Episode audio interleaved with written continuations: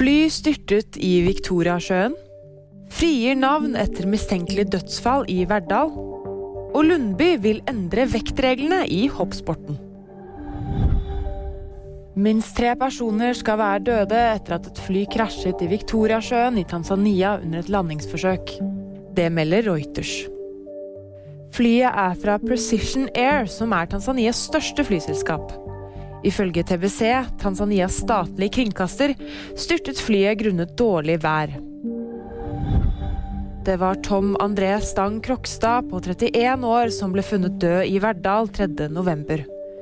Det skriver politiet i Trøndelag i en pressemelding i dag, etter at de rykket ut ved funnet av en død person utendørs på en privatadresse i Verdal sent torsdag kveld. Krokstad var hjemmehørende i Verdal kommune. Navnet frigis i samråd med de pårørende.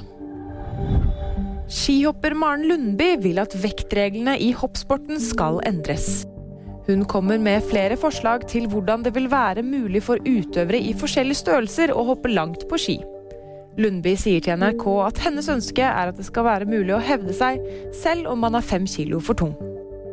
VG-nyheter de fikk du av meg, Fride Rivø Lie.